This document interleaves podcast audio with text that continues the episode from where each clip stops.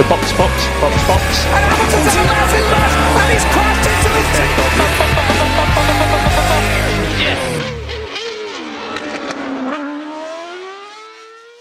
Herkese merhaba. Podstop Podcast'in yeni bölümüyle karşınızdayız.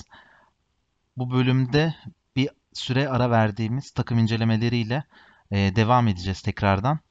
E, grid'in tersinden başlamıştık. Williams'la başlayan serüvenimizde ilk üçe geldik artık ve bugün e, Red Bull Racing takımından bahsedeceğiz. Her zaman olduğu gibi Deniz ve Halil ve ben Burak üçümüz birlikte yapacağız bu yayını. Deniz Halil hoş geldiniz. Hoş bulduk merhaba. Hoş bulduk. Herkese merhaba. Her zaman klasikleşen sorumuzla başlayalım. Ee, Halil senle başlayalım istersen. Red Bull Racing deyince aklına neler canlanıyor? Bize bahseder misin? Ee, Red Bull Racing e, gerçekten çok büyük bir firma. 7'den 70'e birçok spor dalında da ismini sıklıkla görüyoruz. Ya desteği ya sponsorlukları ya da bizzat takımları ve organizasyonları var birçok spor dalında. E, Hatta ilginç bir bilgi zaten iki tane Formula 1 takımı olduğunu biliyoruz. Ayrıca iki tane de futbol takımı olduğunu öğrendim. E, F1 takımı olarak baktığımız zaman e, azimli, hırslı ve motivasyonu yüksek bir ekip geliyor aklıma. Kendinden emin bir duruşları var bence. E, F1'de de çok kısa sürede inanılmaz bir seviyeye yükselmiş bir takım bence. Renault takımını konuşurken bir soru sormuştun. E, yakın bütçelerle 5 senelik bir periyotta X bir takım daha başarılı olabilir mi diye sormuştun. E, Red Bull'da sanırım bu sorunun cevabı niteliğinde bir takım. Çünkü e, çok kısa bir süre içerisinde şampiyonluk elde etmiş ve e, sürekliliğini de e, gösterebilmiş bize. O açıdan gerçekten başarılı bulduğum ve iyi şeyler yapacaklarını düşündüğüm bir takım. Harika, süper. Deniz peki senin Red Bull deyince aklına neler geliyor? Ya Halil'e kesinlikle katılıyorum. Bu gridin olmazsa olmaz takımı ben e, takımı bence şu anda Red Bull. E, çünkü Halil'in dediği gibi geçmişte çok hızlı bir şekilde başarılar elde ettiler. Son yıllarda Mercedes'in e, domine ettiği dönemde bile e, adlarından sıkça söz ettiriyorlar. E, çok yetenekli bir pilotları var. E, çok başarılı. Aynı zamanda araçları da diğer araçlardan çok farklı. Öne eğik araç e, tasarımlarıyla bence e, çok e, güzel bir e, sinerji yakalıyorlar. Takım, pilotlar e, ve pit duvarı olsun, çalışanlar vesaire olsun. Benim en beğendiğim takım müthiş yönetiliyor bence. Özellikle pit duvarı tarafından. E, yani taktik ve e, teknik açıdan çok dolular ve üstüne koy, gün geçtikçe üstüne koyuyorlar. Ee, benim Red Bull'da özellikle en sevdiğim şey muhteşem bir pit stratejileri var ve inanılmaz hızlı pit stop yapıyorlar. Red Bull deyince aklıma gerçekten bu geliyor ve adamların hani videolarını falan izliyoruz bu pit stop çalışmalarını vesaire. Ee, senin de fikirlerini duyduktan sonra birkaç tane güzel sorum olacak. Ee, ama yani Red Bull deyince e, bu özellikle Mercedes ve Ferrari'nin e, rahatça top koşturmasını engelleyen ve gridin olmazsa olmaz e, denilecek takımı bence. Ben ikinize de katılıyorum. Ee, benim aklıma Red Bull deyince biraz daha takımın kuruluş dönemiyle ilgili e, işte her şirketin, kurumsal firmanın e, kuruluş sürecinde kendilerini anlattığı bu misyonumuz, vizyonumuz e, konu başlıklı e, açıklamaları geliyor. Red Bull aslında Formula 1 takımını kurduğu zaman e, griddeki en eğlenceli takım olmayı ve seyircileri eğlendirmeyi hedefleyerek bu yola çıkmış bir takım. Halil'in de bahsettiği gibi birçok e, hem ekstrem sporlarda hem geleneksel sporlarda e, her anlamda kendine e, firmasının desteğini göstermeye çalışmış bir takım. E, fakat Formula 1 tarafındaki serüveni ise biraz daha geçmişe dayanıyor aslına bakarsanız.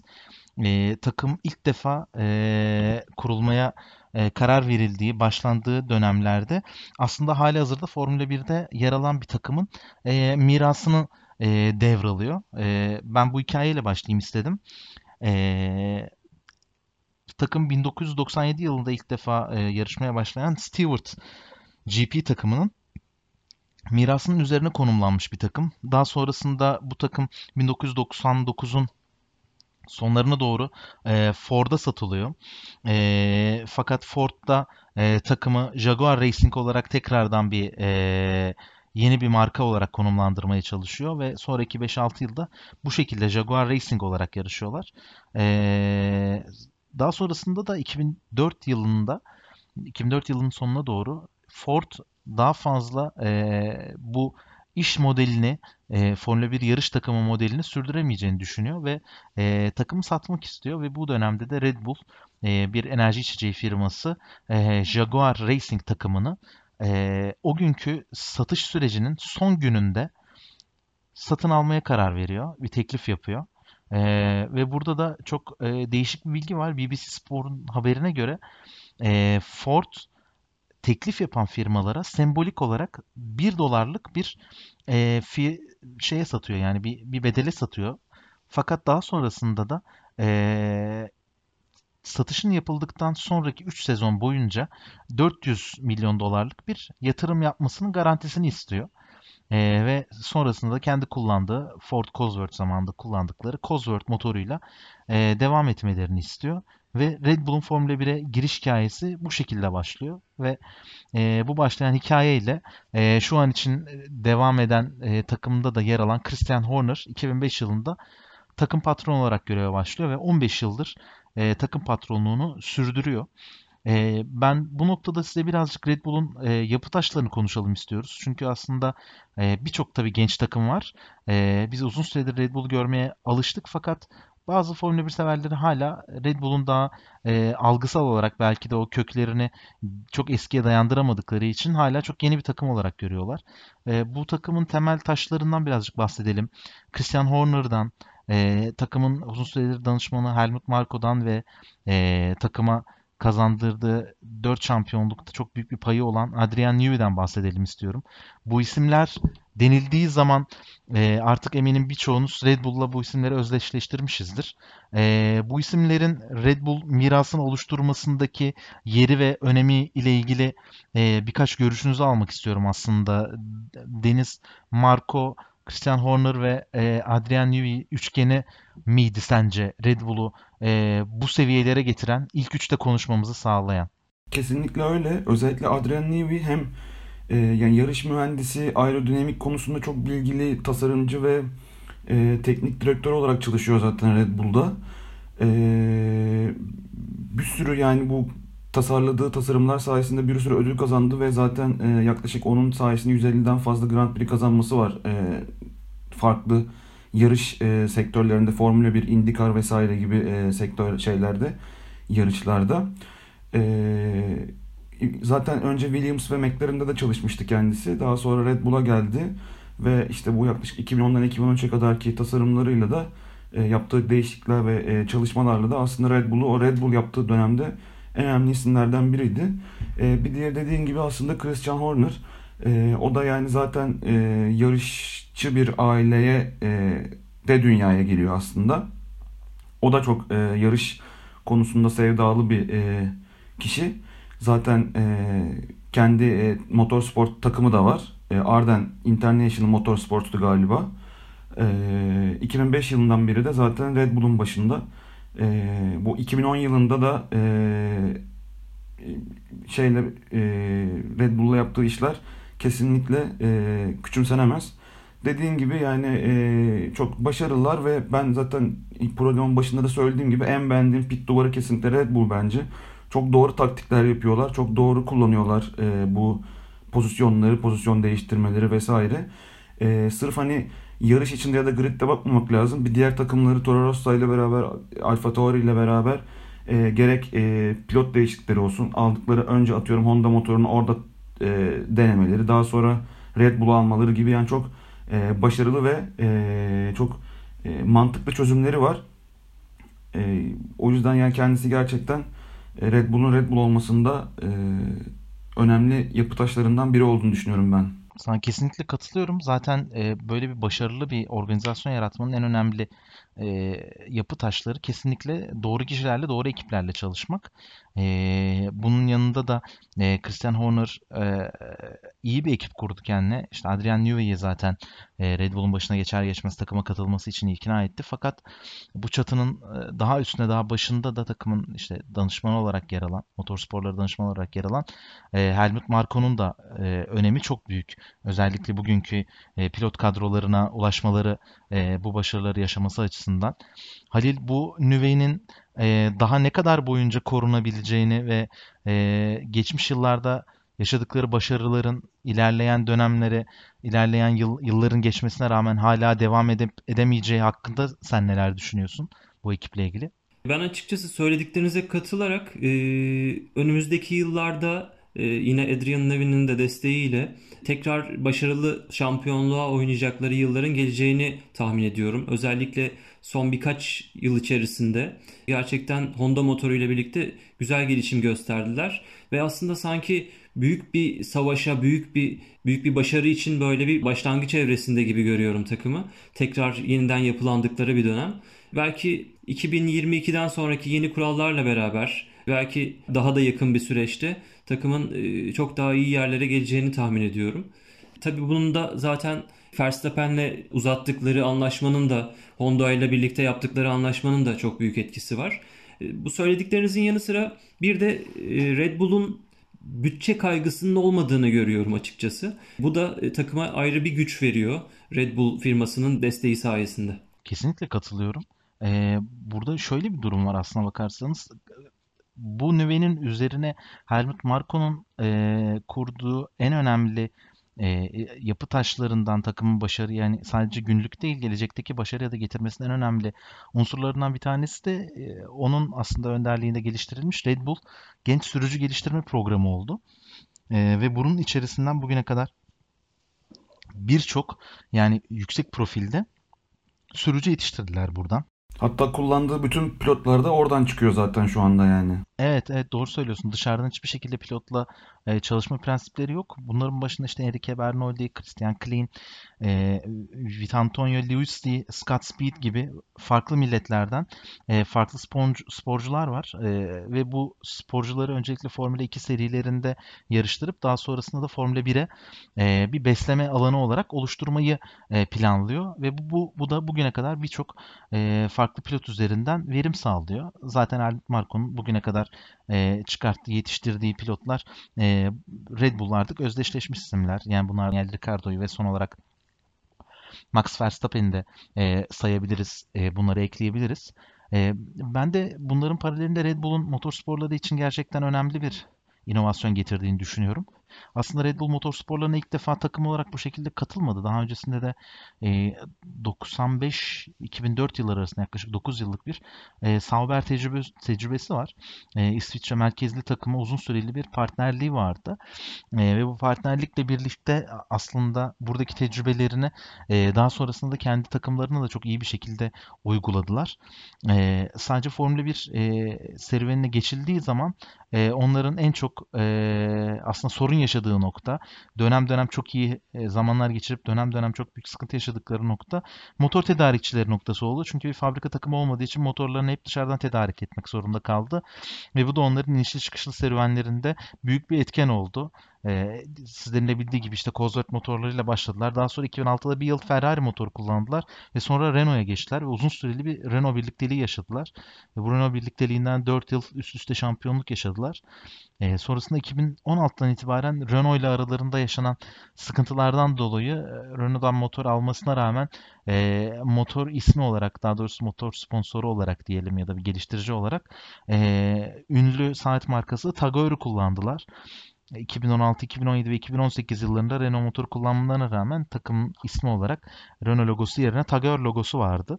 Ee, ve onunla birlikte devam eden serüvende geçen yıl 2019'dan itibaren Honda'ya e, geçmeleriyle birlikte e, şimdilik sona erdi diyebiliriz. E, takım e, bu sene de Honda ile yarışacak ve uzun süreli bir partnerlik yapma konusunda da iyi adımlar atıyorlar. Peki sizce bu Red Bull'un motor tedarikçileriyle yaşadığı süreç, bu dönemler, yaşadıkları sıkıntılar bunları ele alırsak e, doğru bir işbirliği olsaydı sizce bu Red Bull geçtiğimiz 15 yıl içerisinde şampiyonluk sayısı 4'ten fazla olur muydu? E, ya da daha az mı olurdu? Bu onları nasıl etkiledi? İsterseniz biraz da bunlardan bahsedelim. Halil yani senin için uygunsa senden başlayalım söze. Tabii ki. Zaten ilk 5 yıllarını, ilk 6 yıllarını takım oluşum süreci olarak değerlendiriyorum ve yeni kurulmuş bir takımın ilk senelerinde şampiyonluk kazanması ya da başarılı diyebileceğimiz ilk 3 takımdan biri olarak anılması mucize olurdu. O açıdan 2005 ile 2010 yılları arasındaki kısımda herhangi bir e, daha üst düzey bir başarı beklemiyorum ama 2014'ten sonraki dönemde eğer o 2014'ten itibaren Renault motoru ile ilgili problemler yaşamaya başlamasalardı ya da o dönemde hazır olan e, farklı bir motor tedarikçisiyle çalışma imkanları olsaydı ben takımın başarılarını devam ettirebileceklerini düşünüyorum. Keza e, Mercedes'e ya da Ferrari'ye geçmek istediler ama onlar da kendilerine e, bir rakip modunda olan e, Red Bull takımına motor tedarik etmekten çok fazla kaçınıyorlardı o dönemde.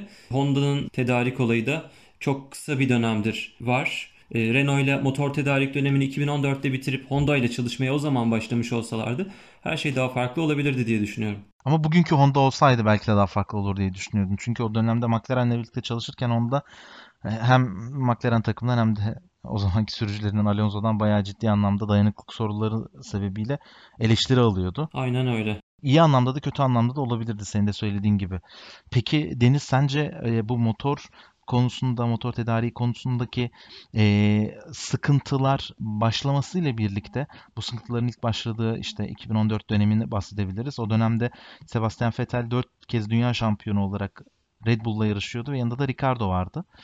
Ee, bu dönemde Ricardo'ya kaybetmesi ve sonra Ferrari'ye geçişinin Red Bull'un bu motor tedarinde yaşadığı sıkıntılardan kaynaklanıp kaynaklanmadığı konusundaki yorumların neler?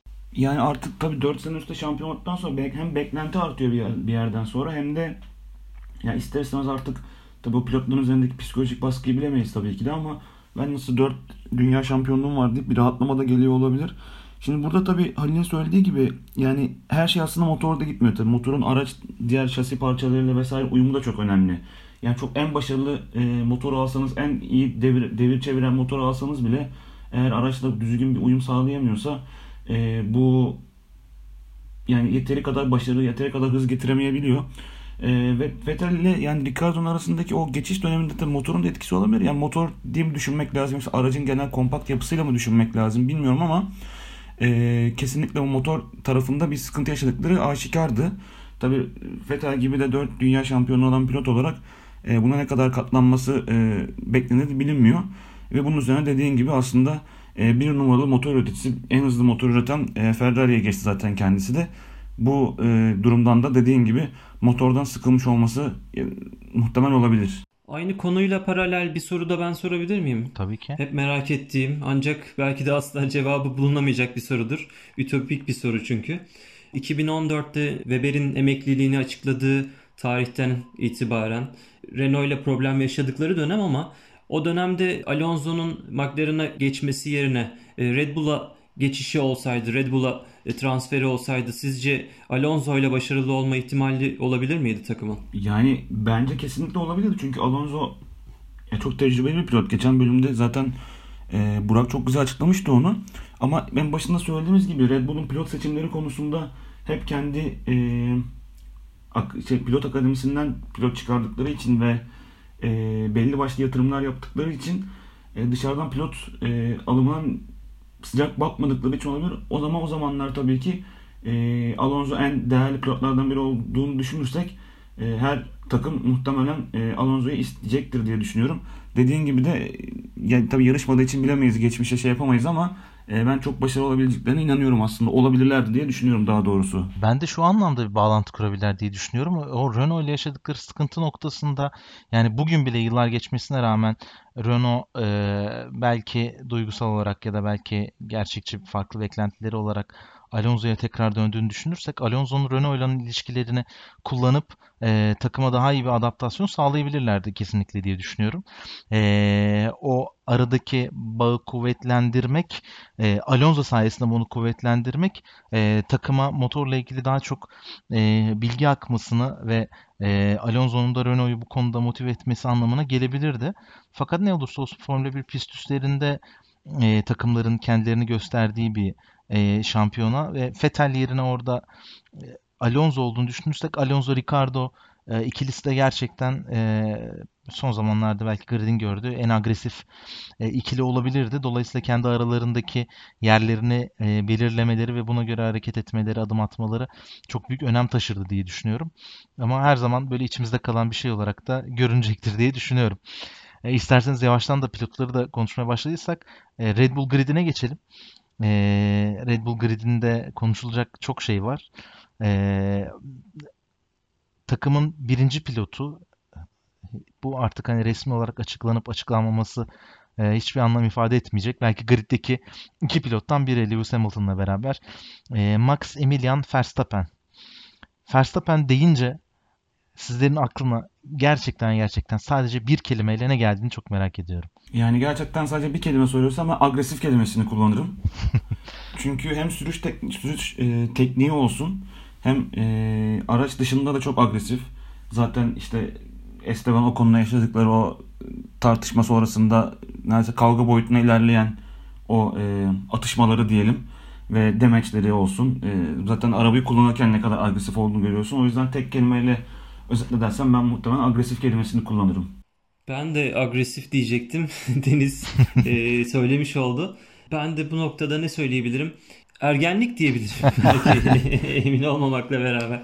Ya çok beğendiğim bir pilot Verstappen. Gerçekten e, çok farklı bir rengi var. Grid'de favori olarak gördüğüm pilotlardan bir tanesi ama biraz davranışlarıyla, işte duruşuyla, politikayı yeterince iyi kullanamamasıyla kendini bazen farklı durumlara düşürebiliyor. İkinize de katılıyorum. Benim de aklıma ilk gelen şey hırslı, hırslı bir pilot olmasıydı. Hırs geliyor benim aklıma tek kelimeyle.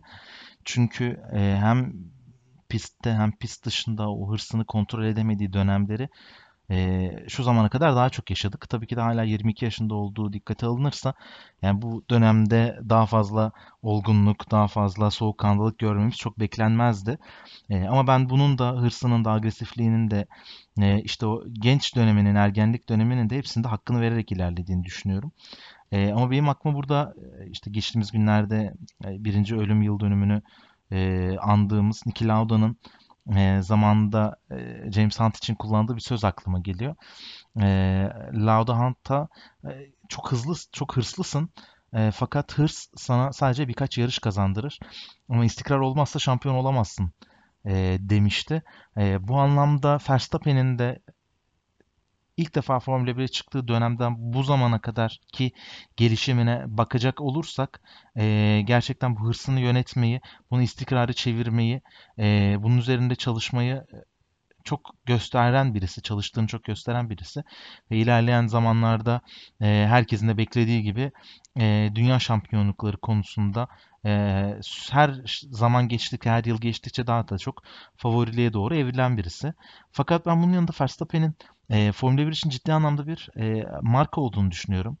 E, gerçekten pazarlama konusunda çok büyük bir değeri var. E, bu yarışmaya başladığı dönemden itibaren her geçen sezon, her geçen yarışta artan bir seviyede Hollandalı Formula 1 severleri piste çekiyor ve dünyanın her yerindeki piste çekiyor. Onun için işte oluşturulan bir turuncu duvar oluyor adeta e, tribünlerde ve Verstappen her önlerinden geçtiğinde sanki bir futbol maçıymış gibi ayağa kalkan, tezahürat eden turuncu giyinmiş Hollandalı taraftarlar görüyoruz.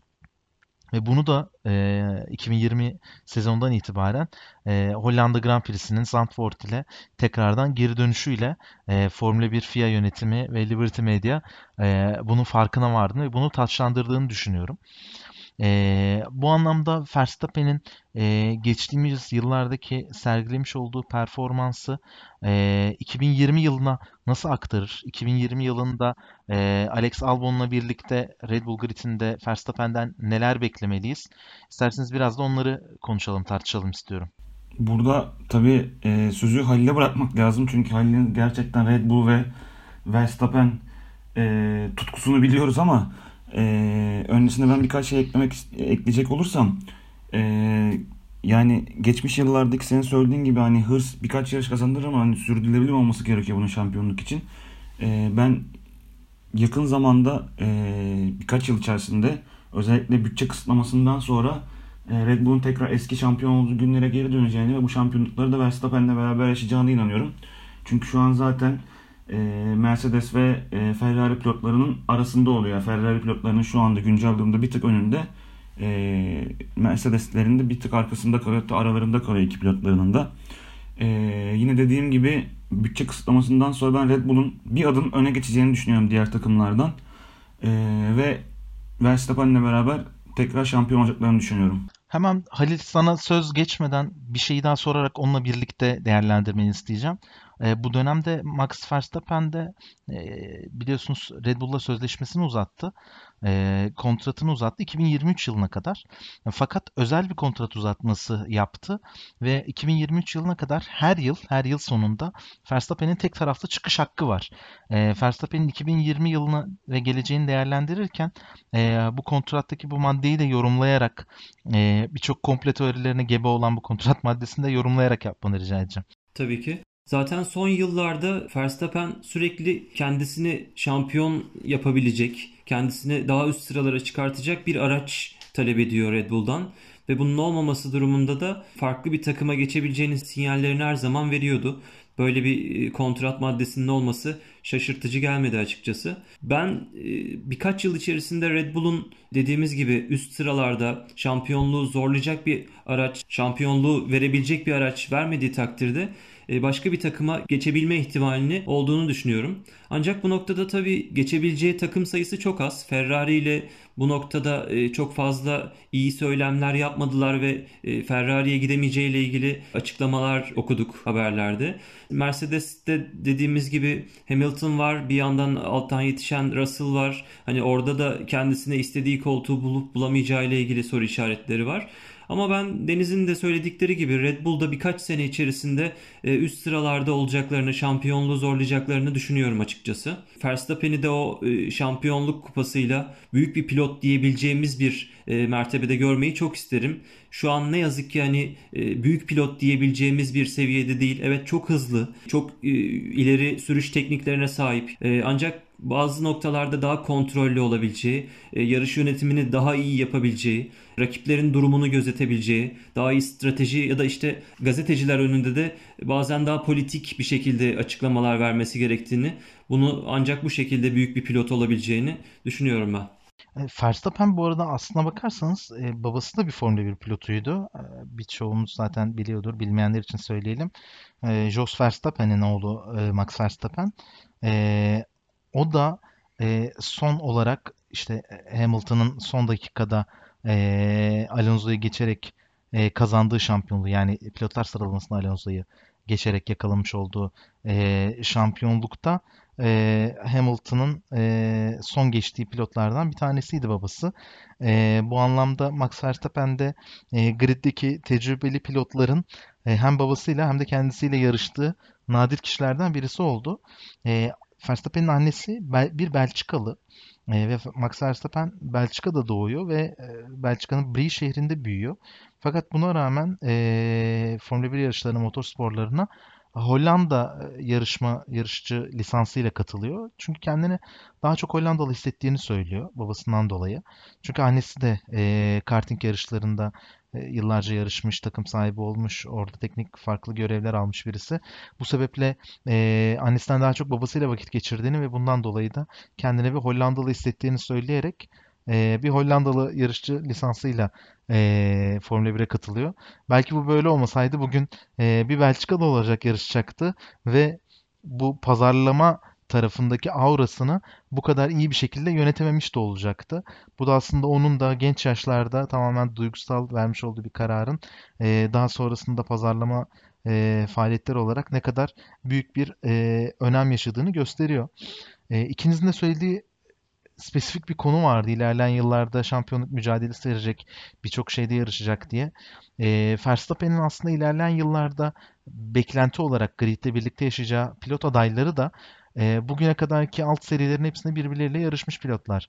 İşte Charles Leclerc, George Russell, Alex Albon, Carlos Sainz bunlar hep aynı dönemlerde genç yaşlarda birlikte yarışmış pilotlar. E, peki siz bu gridin genelini ve Max Verstappen'in e, tüm diğer pilotların en azından şimdilik daha önünde bir kariyeri olduğu düşünürsek e, ilerleyen yıllarda e, bu aynı sınıfın öğrencileri birbirleriyle yarıştığı zaman Verstappen'in e, diğerlerinden çok daha fazla yarış tecrübesi olmasının onun şampiyonluk mücadelesinde bir avantaja sahip olabileceğini düşünüyor musunuz? Ben e, açıkçası düşünüyorum ama şöyle bir durum var. Mesela geçen günlerde George Russell şey dedi. Bu arkadaşlarım biraz kıskanıyorum çünkü çok hızlı araçlar kullanıyorlar dedi. İşte Charles Leclerc'ten, Albon'dan vesaire bahsederken çünkü hepsi beraber dediğin gibi yarışan ar- e, arkadaşlardı. E, burada tabii araç e, çok önemli. Dediğim gibi Max Verstappen'in diğerlerinden çok daha fazla tecrübesi var. Ama burada diğer genç pilotların tecrübelenmesiyle beraber nasıl bir e, ortaya ayrı bir e, rekabet çıkar orayı bilemeyiz. Orayı zaman gösterecek tabii ki de. Ama dediğimiz gibi tecrübe çok önemli şu anda. Ve o tecrübeyi Verstappen almış durumda ki e, diğer e, özellikle Mercedes ve Ferrari pilotlarıyla e, boy ölçüşebiliyor ve yeri geldiğinde onlara resmen canlarını sıkabiliyor. Tabi Albon'un özellikle e, bu geçtiğimiz yılın yarısından sonra yapmış olduğu işler de çok başarılı. Ona geldiğinde zaten konuşuruz ama e, bu da gösteriyor ki aslında artık genç pilotların e, birkaç kere o hızlı arabaları kullandıktan sonra çok başarılı ve rekabetçi olabildiklerini görüyoruz.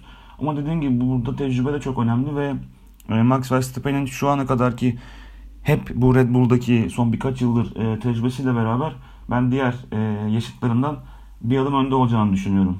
Ben de katılıyorum. Tecrübenin yanı sıra büyük takım tecrübesi olması, hızlı bir araç tecrübesi olması da e, bence onun e, diğer arkadaşları konusunda biraz daha önde tutacağını tahmin ediyorum.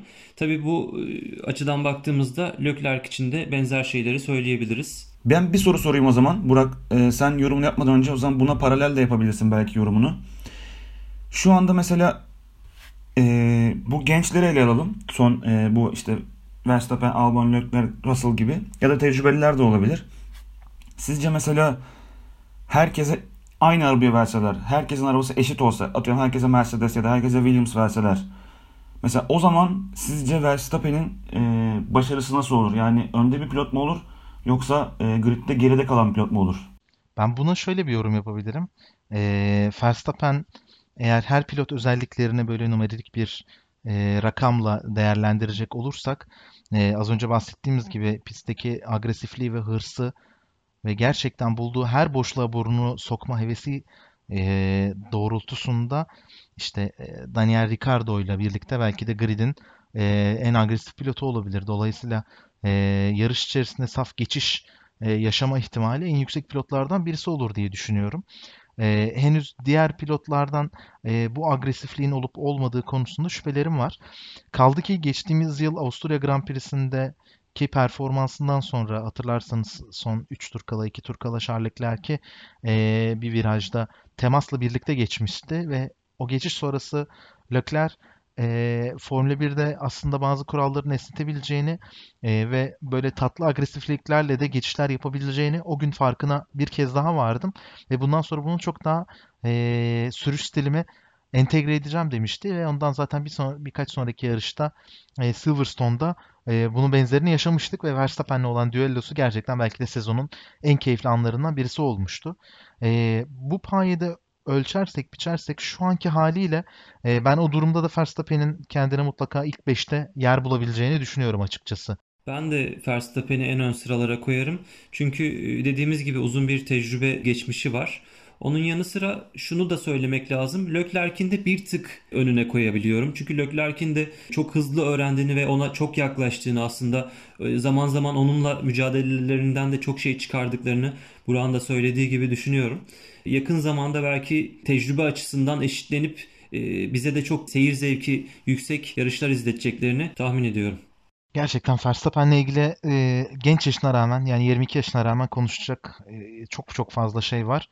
E, ama genel olarak özetleyecek olursak e, eminim tüm Formula 1 severleri hayranlarını da ondan nefret edenlerin de işte haterlarını da e, belli bir noktada heyecanlandıracak işleri e, yapması e, muhtemel bir pilot olarak görüyorum ve eminim ilerleyen yıllarda da e, bunu bize gösterecektir, göstermeye devam edecektir diyorum ve Red Bull'un ikinci pilotuyla devam edelim istiyorum. Ee, Alexander Albon Ansushinya Tayland asıllı e, Britanyalı bir sürücü. E, aslına bakarsanız Alexander Albon e, Londra'da doğmuş, İngiltere'de doğmuş, büyümüş e, bir pilot. Fakat annesinin e, Tayland e, genlerinden dolayı e, oraya duymuş olduğu da özlem ile birlikte e, Tayland yarış lisansı ile birlikte gridde yarışan tek Tay pilot.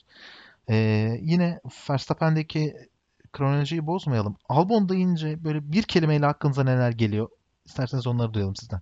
Yani gerçekten Albon'u düşünmemiştik tabii ve çok fazla bizi yani özellikle son e, sene özellikle hani Red Bull'un koltuğuna geçtikten sonra tanımaya başladık yavaş yavaş tabii Toro Rosso'da da görüyorduk gerçi kendisini ama e, onun için de ben şahsen ah ne desem bilemiyorum ama böyle bir hani hızlanacak diyorum yani. O da gerçekten e, takım adapte olduğunda çok başarılı olabileceğini düşündüğüm pilotlardan birisi bence. Ben de istikrar kelimesini kullanayım Albon için. Onu e, Red Bull koltuğunda çok kısa bir dönem e, izledik ama ben e, Red Bull koltuğuna geçtiği dönemden itibaren hep takip ettim ve neler yapabileceğini merak ettiğim pilotlardan bir tanesiydi. Hep e, yapabileceklerinin en iyisini, elinden gelenlerin en iyisini yapan pilotlardan oldu. Eline geçen şansı çok iyi kullandı bence. Benim de aklıma aslında baskı geliyor.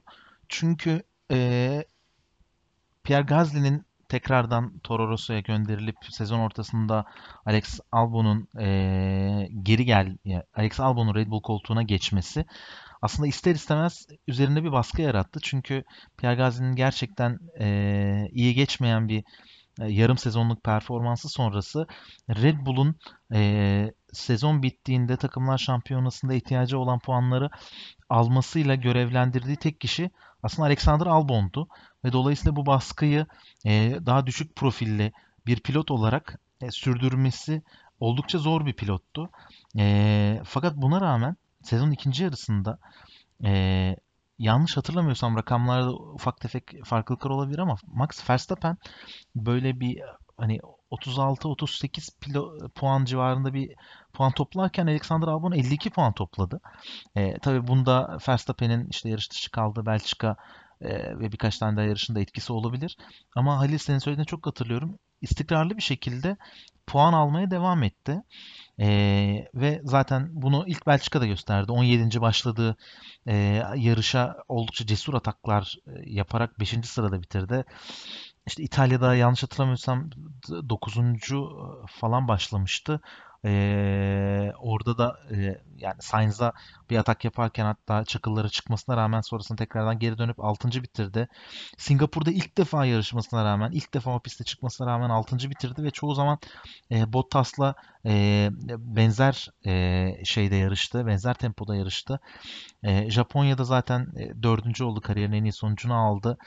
Amerika'da yine startta Sainz'la temas yaşadı. E, çok defa pit yaptı. Buna rağmen 5. bitirdi.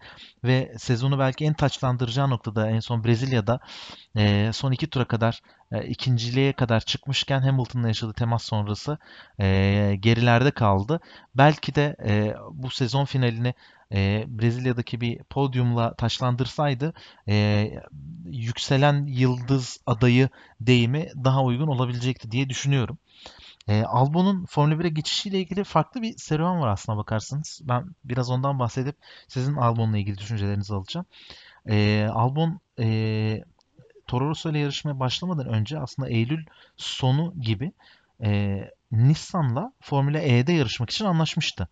E, bununla ilgili bir kontrat imzalamıştı. Fakat Toro Rosso e, yarıştıracak pilot bulamadığı için e, Gasly ile Red Bull'a gönderdikten sonra Kiat'ın yanına kimseyi bulamadığı için ve e, o dönemki sürücü akademisinde Formula 1'de yarışacak seviyede bir pilot olmadığını düşündüğü için eskiden kendi programlarında yer verdikleri Albon'a teklif götürdü ve onu da Formula E'den bu anlamda çekerek başlattı. Yani onun da Formula 1 geçiş serüveni gerçekten birazcık tuhaf oldu. Sizce bu son dakikada Formula E'den Formula geçiş Formula 1'e geçiş yapmış Alexander Albon'un kısa sürede Red Bull koltuğuna geçmesi ve bu kadar rekabetçi e, bir yerde olması ilerleyen günlerde bize nasıl bir Albon izletecek? Birazcık onları konuşalım. Halil senle başlayalım istersen Albon yorumlarını. Ee, ben demin yorumlarken şans kullanmasını iyi biliyor diye söylemiştim. Gerçekten şanslı bir adam ama şans tek başına bir şey getirmiyor. Ee, eline geçen şansı da iyi değerlendirmek lazım.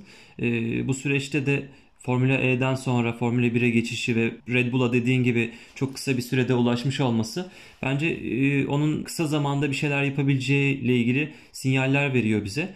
ve ben gelecek vadeden yetenekli pilotlardan biri olacağını düşünüyorum. Deniz sana sözü vermeden aklıma bir şey geldi. Hatırlarsan böyle bir iki sene önce e, seninle e, bir yaz tatilinde konuşurken e, işte 2020'den sonra 2021 döneminde e, işte takımların, pilotların değişikliklerini falan konuşurken ilerleyen yıllarda e, büyük takımlarda kimleri görürüz başlığı altında o zaman sana şunu seninle şunu konuştuğumuzu hatırlıyorum. Hani Alex Albon çok sessiz sakin böyle geliyor ama alt serilerdeki başarılarından ötürü belki ilerleyen yıllarda Ferrari'ye bile çıkabilecek seviyede bir pilot olur diye konuşmuştuk hatırlarsan. E şimdi 2020 yılında onu yarım sezon tecrübesiyle birlikte Red Bull'da göreceğiz. Senin Albon'la ilgili yorumların neler? Kesinlikle öyle. Zaten dediğin gibi alt serilerde kendini kanıtlamış bir pilottu. İşte 2017'de falan hatta Charles Leclerc'le zaten takım arkadaşıydı. Onun arkasında ikinci falan bitirmişti. Ee, aynen ben de hatırlıyorum konuşmamızı. Çünkü gelecek vadeden pilotlardan e, bir tanesi ki zaten bu sene e, 9 yarış yaptı Red Bull'da ve dediğin gibi çok da başarılı e, sonuçlar aldı ki öncesinde de 2019'da e, Toro Rosso'ya başladığında daha ilk yarışta neredeyse Kvyat'ı falan e, sıralama turlarında geçiyordu. Hatta ilk hatta ilk yarışında sanırım e, Kvyat'ı falan sıralama yarışları, sıralama turlarında geçmişti ve e, bu çok da e, başarılı bir sonuç kendisi için. Daha yeni oturmuşsun koltuğa ve buna alışkın olan bir pilotu geçiyorsun vesaire. E, ben gerçekten e, Albon'un verilen Halil'e de katılarak e, verilen e, fırsatları çok güzel e, kullandığını düşünüyorum. E, 2020 yılında da ben e, geçmiş yıllarda yani o ki tecrübesini gösterip Verstappen'in çok da arkasında kalmayacağını düşünüyorum. Mesela geçen seneye başlarken evet Gazli ile beraber e, Verstappen'in yine yakın olacağını düşünmüştük ama e, Gazli çok gerilerde kaldı Verstappen'e. Hatta tur yediği e, yarışlar bile olmuştu. Ama ben bu sene Albon'un e, Verstappen'den çok da geride kalmayacağını düşünüyorum. Peki bununla ilgili size şu an aklıma bir soru geldi. Ee, dedi ki Albon fırsatları çok iyi değerlendirdi, şansını çok iyi kullandı diye. Aslında buna benzer bir şekilde e, gelen ama sadece o çıkan fırsatlarda iyi sonuçlar alamayan bir Pierre Gasly örneği var önümüzde. Ve Pierre Gasly de e, Red Bull'daki başaramadıklarının hıncını çıkartırcasına e, sezonun ikinci yarısında Toro Rosso'da e, ve işte bu yıl Alfa Tauri'de çok daha iyi bir performans sergiledi. E, Red Bull'un bu iki takım arasındaki pilot geçişlerini ne kadar sık ve ne kadar acımasızca yaptığını da e, bilerek bu soruyu soruyorum size.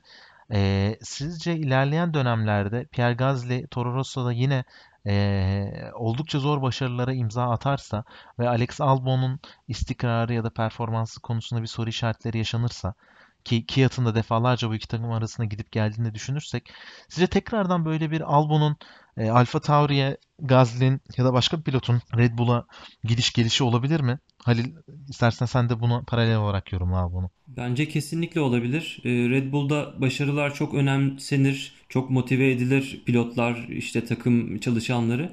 Ancak düşüşe geçtiği zaman da e, bu e, kozu oynayabileceklerini düşünüyorum. Neredeyse bir Ferrari acımasızlığında böyle bir şey yapabilirler diyorsun. Aynen. Deniz sen peki ne düşünüyorsun? Böyle bir ihtimal olabilir mi? Ya ben artık Gazi'nin e, bir daha Red Bull koltuğuna oturacağını çok düşünmüyorum açıkçası. Çünkü bir kere denendi ve olmadı. E, bu onun yeteneksiz olduğu anlamına gelmez. Zaten dediğin gibi ikinci yarısından sonra Toro Rosso'ya geçtikten sonra zaten başarılar da elde etti. Hatta podyuma da çıkarak e, bayağı da keyiflendi yani kendisi ama ben artık tekrar bunu deneyeceklerini düşünmüyorum. Çünkü bir kere denediler olmadı. Tabi ellerinde farklı pilot var mı? Yine alt tarafta e, akademiden gelecek bir yetenekli pilotları var mı şu an açıkçası bilmiyorum. Yani e, bunun başına bir şey gelmeyecekse bence kötü performans sergilese bile o değişiklikleri çok yapacağını düşünmüyorum. Tabi olabilir. Yani bu dediğiniz gibi çok sert ve acımasız şekilde değiştiriyorlar pilotları. Ama e, bu değiştirilecek pilotun ben Gazli olacağını eğer çok zorda kalmazlarsa düşünmüyorum. Pekala o zaman yayının sonlarına doğru yaklaştık. Klasikleşen sezon tahminlerimizle devam edelim. Ee, Halil seninle başlayalım. Red Bull sence bu sezonu kaçıncı sırada bitirir ve pilotlardan hangisi daha önde olur? Tahminleri neler? Ben bu soruyu yine test döneminin e, ışığıyla cevaplandırmak istiyorum. Çünkü en çok bilgi edinebildiğimiz takımların bu seneki performansı ile ilgili bilgi sahibi olduğumuz dönem test dönemi. Testlerde takımın sezon için hazır olduğunu gördük. Eskiler test döneminde atılan tur sayılarına bakarlar genelde. Bu anlamda tatmin edici tur sayıları olduğunu elde ettiklerini düşünüyorum. Yeterince veri topladıklarını düşünüyorum. Yanı sıra geçtiğimiz sezon Ferrari ile de 70-80 puan gibi bir fark, puan farkı vardı yanlış hatırlamıyorsam.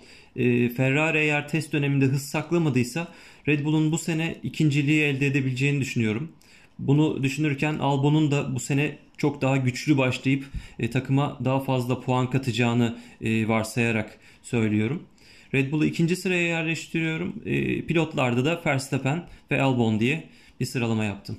Tamamdır. Deniz peki senin yorumların nasıl sezon tahminin? Yani e, ben Ferrari'nin hız saklamadığını düşünüyorum açıkçası e, testlerde, sezon öncesi testlerde. Gerçekten yavaş kaldığını düşünüyorum. Ama bu testlerden aldıkları sonuçlarla e, bunları aşacaklarını düşünüyorum. Gerçi onlar da bu sene çok parlak bakmadıklarını söylüyorlar. E, 2020 senesinde Ferrari takımı. Ama ben yine de Ferrari'ye geçebileceklerini düşünmüyorum. O yüzden 3. sıraya yerleştiriyorum. Pilotlarda da e, Halil'le fikrim Verstappen'in Avon'dan önde olacağını düşünüyorum. Ee, aslında testler benim de yani tahminleri yaparken en çok düşündüğüm yerlerden bir tanesi oluyordu. Veri toplamaya çalıştığım yerlerden birisi oluyordu. Fakat ee, e, 2000 19 sezonun başındaki testlerde Ferrari açık ara en hızlıydı yani. Hatta baya e, bir saniyeye varan farklarla turlar atıyorlardı. Çok ciddi anlamda veri topladılar. Ve sezon başladığında Avustralya'ya dahi bunu yansıtamadılar ve daha sonrasında bunun sıkıntısını yaşadılar. Ve sezon içerisinde Ferrari e, Binotto'nun da en çok eleştirildiği noktalardan birisi oldu. Daha politik davranmalı, daha çok e, kendilerini sadece pist üstüne değil e, basın toplantılarında da farklı yerlerde de takımı daha iyi savunmalı demişti. Ben bunu Binotto'nun bundan bir ders aldığını çıkartarak e, belli başlı e, geliştirmelerle birlikte yarışmaya başlayacağını düşünüyorum. Fakat buna rağmen e, Avusturya'ya getirecekleri bir motor e, gelişim e, paketi olacaktı. E, bunu yetiştirmeye çalışıyorlar. Bunu yetiştirseler dahi ben bu sene sonunda e, Red Bull'un önünde olamayacaklarını düşünüyorum. Onlar için de e, bu başarısız geçen sezonların bir sonucu olduğunu düşünüyorum. Ama bunu sadece Ferrari'nin başarısızlığından dolayı değil, Red Bull'un pilot ikilisinin e, yakalayabileceği muhtemel uyum ve Albon'un istikrarının e, 2020'de de e, bir süre daha devam edebileceğini öngörerek e, bu sıralamayı, bu tahmini yapıyorum ve ben de Red Bull'un ikinci olacağını düşünüyorum.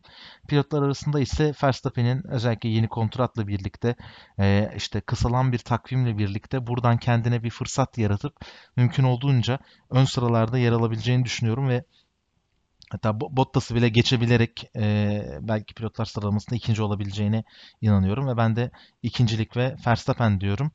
E, son olarak e, Red Bull, Verstappen ve Albon'la ilgili e, farklı bir yorumlarınız varsa onu alıp bu bölümü de yavaştan kapatalım. Ben e, başta birkaç soru e, sormak istediğimi söylemiştim ama tabii e, süremizin de kısıtlı olduğunu düşünürsek bu soruların pit stoplarla alakalı olacağını söyleyeyim ama sorularımı şimdilik sormayayım. Belki bir bölümde de sadece pit stoplar üzerine konuşuruz ve e, orada da özellikle Red Bull'un yapmış olduğu rekorları ve e, pit stop teknolojileri üzerine orada daha detaylı konuşuruz. E, böylelikle de bir e, şey oluşturalım. E, heyecan oluşturalım diyelim. Benim ekleyeceğim bir şey yok. Çok teşekkür ediyorum. Bugün Podstop Podcast'in yeni bölümünde Red Bull Racing konuştuk takım incelemelerinde. Yayına katıldığınız için çok teşekkür ederim Deniz Halil. Teşekkürler. Biz teşekkür ederiz. Podstop Podcast'in yeni bölümlerinde takım incelemelerini konuşmaya Ferrari ile devam edeceğiz. Sonraki bölümlerde görüşmek üzere. Hoşçakalın. Hoşçakalın. Hoşçakalın.